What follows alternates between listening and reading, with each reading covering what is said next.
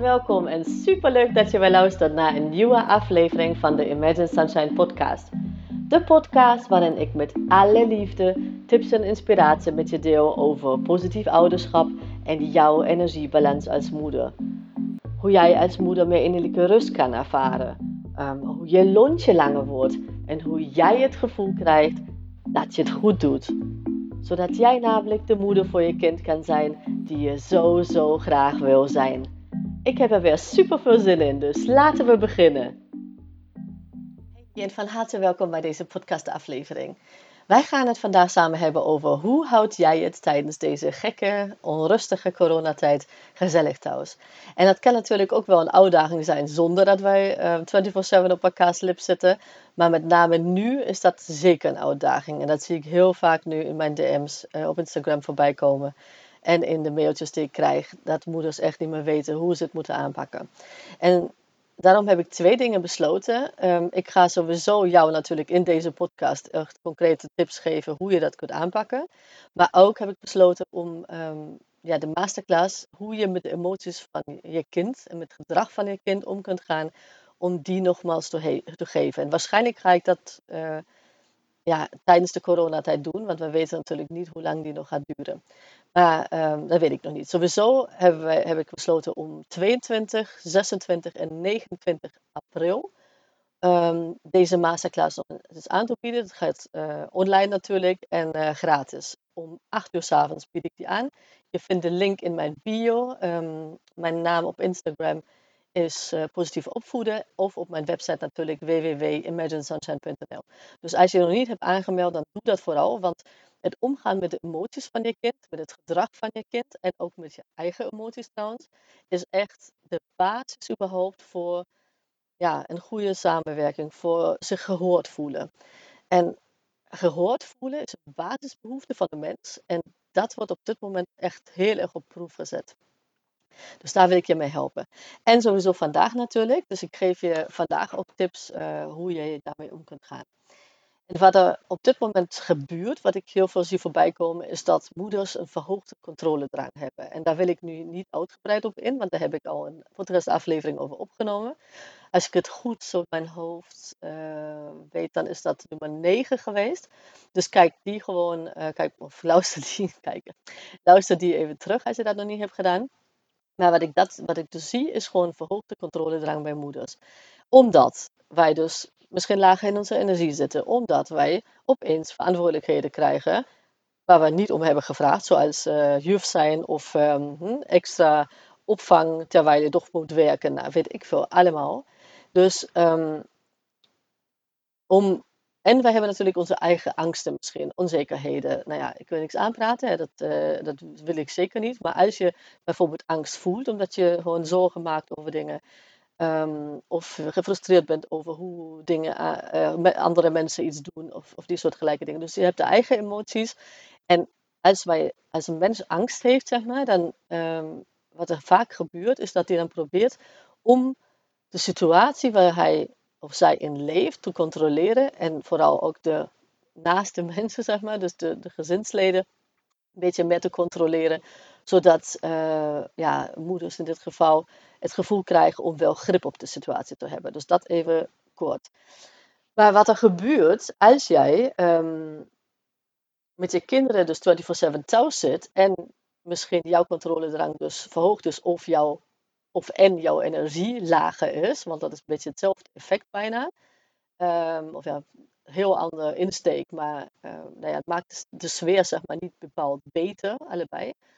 Um, en je hebt misschien verschillende persoonlijkheden uh, van kinderen thuis. En dat is heel waarschijnlijk, want ik ken geen gezin waar gewoon allebei of alle drie of alle vier, hoeveel kinderen ze ook hebben, gewoon hetzelfde is. En als je me al langer volgt of je bent klant bij mij, dan weet je dat zeker dat ik gewoon altijd kijk van oké, wat, wat heeft dat kind voor je nodig? Wat heeft dit kind voor je nodig? Elk kind is uniek en elk kind um, heeft een andere aanpak nodig van jou, zeg maar. Omdat uh, ja, persoonlijkheden gewoon anders zijn en en behoeftes ook anders zijn. Bij elke mens is dat zo. En met kinderen is dat zeker ook zo. En wij als moeders, of als ouders natuurlijk uh, allebei, maar wij als moeders, omdat ik moeders hier aanspreek, um, ja, het is aan ons om dus ja, nieuwsgierig te zijn om te leren om ons kind, uh, dus onze kinderen natuurlijk, in, in, alle kinderen, maar per kind, dus echt te begrijpen wat het kind daar nodig heeft. En ik ga je dus in de masterclass al uh, heel veel uh, stappen vooruit helpen in dit, uh, op dit gebied. Maar als je bijvoorbeeld kinderen hebt met een sterke wil, of een kind hebt met een sterke wil, dan wil het kind, of een sterke drang naar autonomie, of een peuter. Hè, dus peuters die willen gewoon een stempel zetten op hè, dingen op hun manier doen, hè, zelf, heb, herken je misschien. Dus als je dat hebt, dan heeft het kind dus juist de behoefte om zelf te bepalen. Als jij dan aankomt met een versterkte controledrang, nou, dan botst dat nog meer natuurlijk. Dus um, besef dat gewoon. Dus dat is nummer één. En ook heb je geen kind met een sterke wilddoos of een peuter of uh, uh, een kind wat, wat uh, sterke drang naar autonomie heeft, dan is het ook belangrijk voor je kind om zelf te kunnen bepalen, om het zelfbewustzijn te versterken. Want je hebt natuurlijk ook kinderen die juist het heel goed willen doen en dat, die, die echt heel gehoorzaam, volgzaam zijn. Maar deze kinderen mogen wij juist begeleiden om meer zelfvertrouwen te krijgen. En niet naar anderen toe. Het gaat meer erom om te leren vertrouwen op zichzelf. Dat, dat is wat ik echt mee bedoel.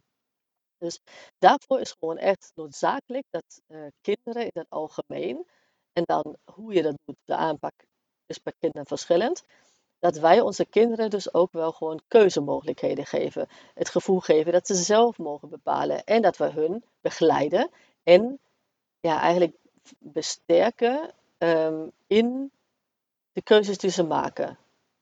En hoe je dat kunt doen, zeg maar, in deze tijd als gezin, is je kunt bijvoorbeeld uh, een overleg houden met je kinderen hoe jullie dat samen aanpakken. Want hè, dus laat je controledrang, als je die hebt, een beetje los. En ga dat gewoon zien van, niet, het is niet alleen maar jouw verantwoordelijkheid of jullie verantwoordelijkheid als ouders, maar jullie als gezin zitten in deze situatie. En ook een tweejarige al, die een behoefte heeft aan um, hè, zelf even willen bepalen, kan hier een stuk aan bijdragen. Als kinderen aan bijdragen, dan zullen zij zich echt ja, gemotiveerd zijn om daar ook iets mee te doen, laat ik maar zo zeggen. Als zij um, nou ja, iets op hun kop krijgen, zeg maar, waar ze geforceerd worden om dingen te doen, dan lukt het misschien um, een tijdje, maar het is geen duurzame oplossing. Dus benoem um, en laat benoemen wat er allemaal moeilijk en stom is, bijvoorbeeld ook. Hè? Want je weet dat ik gewoon een heel groot fan ben van wat aandacht groeit.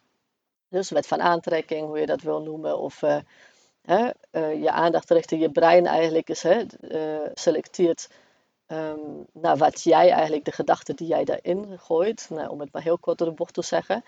En daarvoor is eigenlijk noodzakelijk dat je gewoon daarvoor zegt van oké, hoe is de situatie nu? Wat is de nulpunt? En benoem het gewoon. En erken het ook. Dus als er dingen zijn die jullie gewoon op dit moment niet leuk vinden, maak het bespreekbaar. Dus dat is, dat is tip nummer 1. Tip nummer 2 is, ga het niet wegsussen. Dus stel dat je kind nu opeens zegt van ja, maar dat vind ik echt heel erg stom en ga er helemaal op in. Dan zeg je ja, maar zo erg is het niet. Of um, ja, maar ja, weet je, dat is straks weer anders als de coronatijd over is. Erken het gewoon. Je hoeft er niet op in te gaan en te zeggen van oh, wat moeilijk en oh ja, en hoe dan ook. Dus niet het, gewoon dat je kind erin blijft uh, badderen, zeg maar, in het gevoel. Maar benoem het en respecteer het dat je kind dat op dat moment voelt.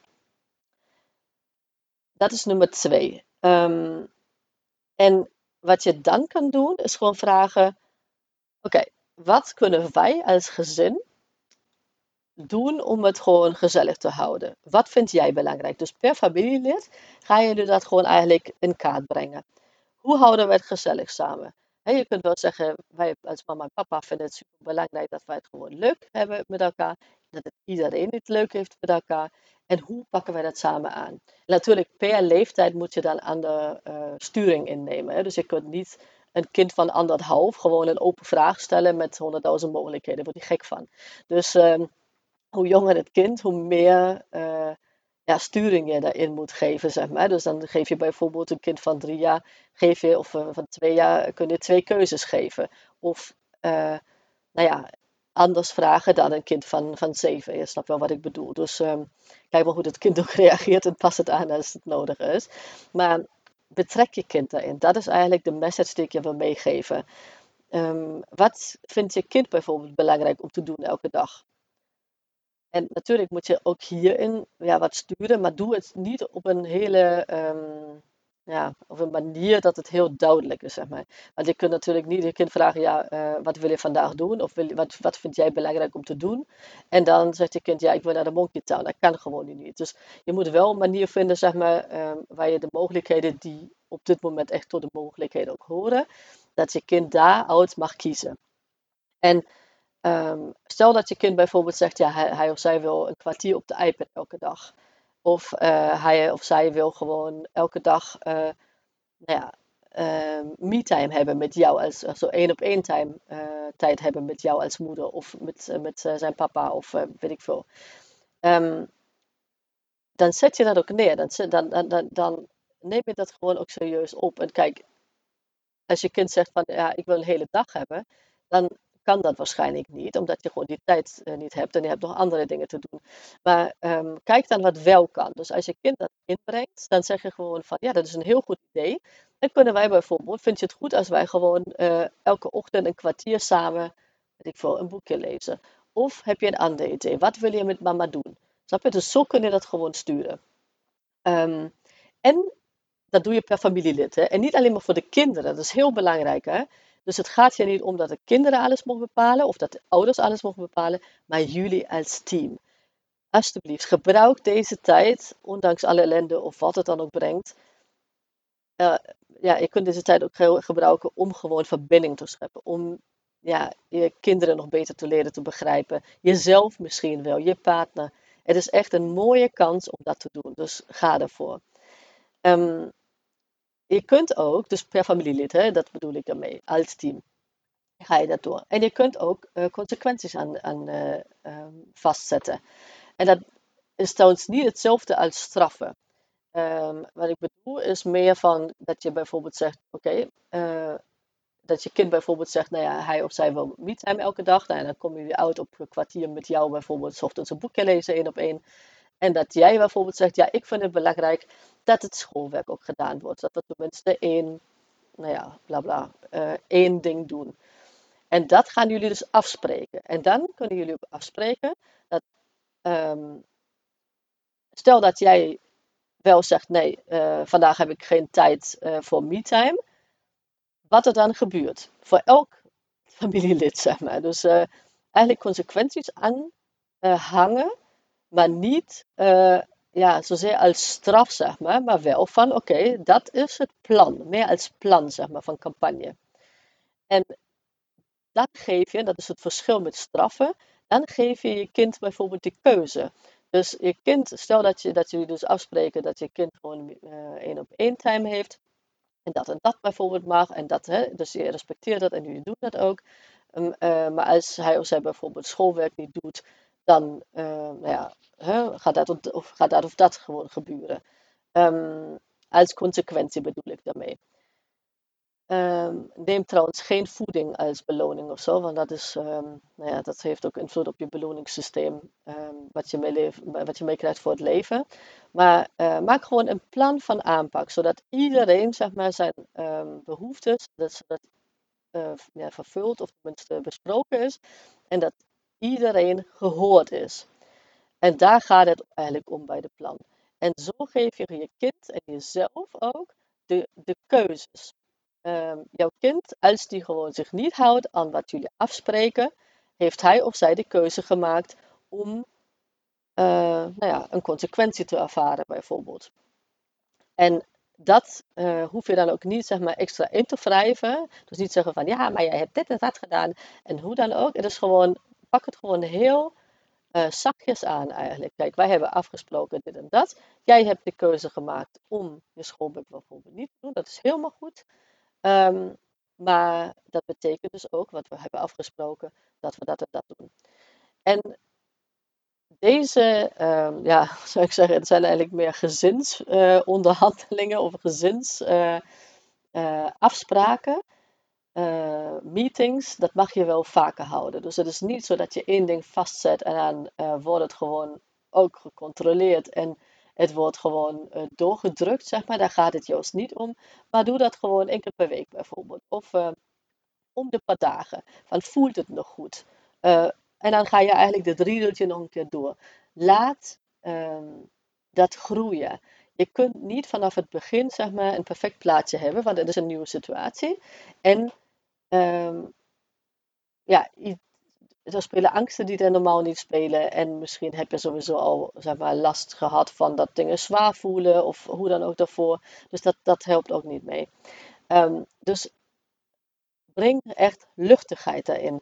Uh, het mag worden veranderd, maar ook dan is het heel belangrijk dat jullie dat als team doen en dat iedereen zich gehoord voelt. Dus niet alleen je kinderen, niet alleen jullie als ouders dat jullie mogen bepalen, maar hoe pakken jullie dat als gezin aan, zodat iedereen uh, gehoord is, zodat iedereen in, in, iets in mag brengen, zodat iedereen mag uh, uiten wat hij of zij leuk vindt, stom vindt en bespreek dat gewoon. Het zijn de, de, gewoon, ja, de, de, de, de meest gewone zaken van de wereld. Dat je dingen soms leuk vindt of minder leuk vindt. En jij mag je kind begeleiden in het omgaan van deze situaties. Want dat zijn situaties die hij of zij altijd in zijn leven zou hebben. En wij hebben nu het voorrecht als ouders, als moeders, om aan onze kinderen te leren hoe zij daarmee om kunnen gaan. Dus ga ermee aan de slag. Ik ben heel erg benieuwd uh, wat het met je doet, wat het met je gezin doet, wat het met jouw energie doet, überhaupt wat het doet met je en jouw uh, kinderen vooral. Dus laat het me weten. Uh, laat me weten via een DM op Instagram. Um, en mijn naam daar is positief opvoeden. Of schrijf een mailtje aan kate.imaginesunshine.nl En vooral als je het nog niet gedaan hebt, want echt een hele belangrijke basis voor ja, gezellige sfeer is het omgaan van de emoties van je kind en het gedrag van je kind en ook met jouw emoties.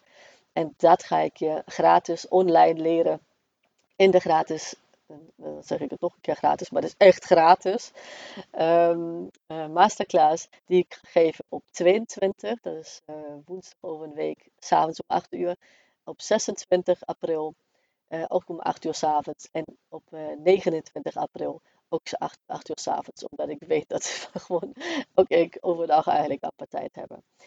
Dus ga je mee aan de slag. Ik ben benieuwd wat het met je doet. Laat het me weten. En tot de volgende keer. En dat is maandag over een week. Komt een nieuwe aflevering online. Nou, hele fijne dag gewenst. En doei! Lieve, lieve mama, super bedankt voor het luisteren vandaag. En mocht je deze aflevering interessant hebben gevonden, dan zou ik het heel fijn vinden als je even de tijd neemt om een screenshot te maken van de podcast en mij te taggen op Instagram. Want daarmee inspireer jij anderen en ik vind het echt super fijn om te zien wie je luistert. En één dingetje nog, je zou me echt ontzettend mee helpen als je even een korte review wil achterlaten onderaan mijn iTunes pagina. Want hoe meer reviews ik namelijk krijg, hoe beter de podcast gevonden wordt in iTunes. En hoe meer moeders ik dus ook kan helpen om innerlijke rust te kunnen ervaren. En in mijn wereld verdient elke moeder innerlijke rust. Nou, super dankjewel alvast, een hele fijne dag en heel graag tot de volgende keer.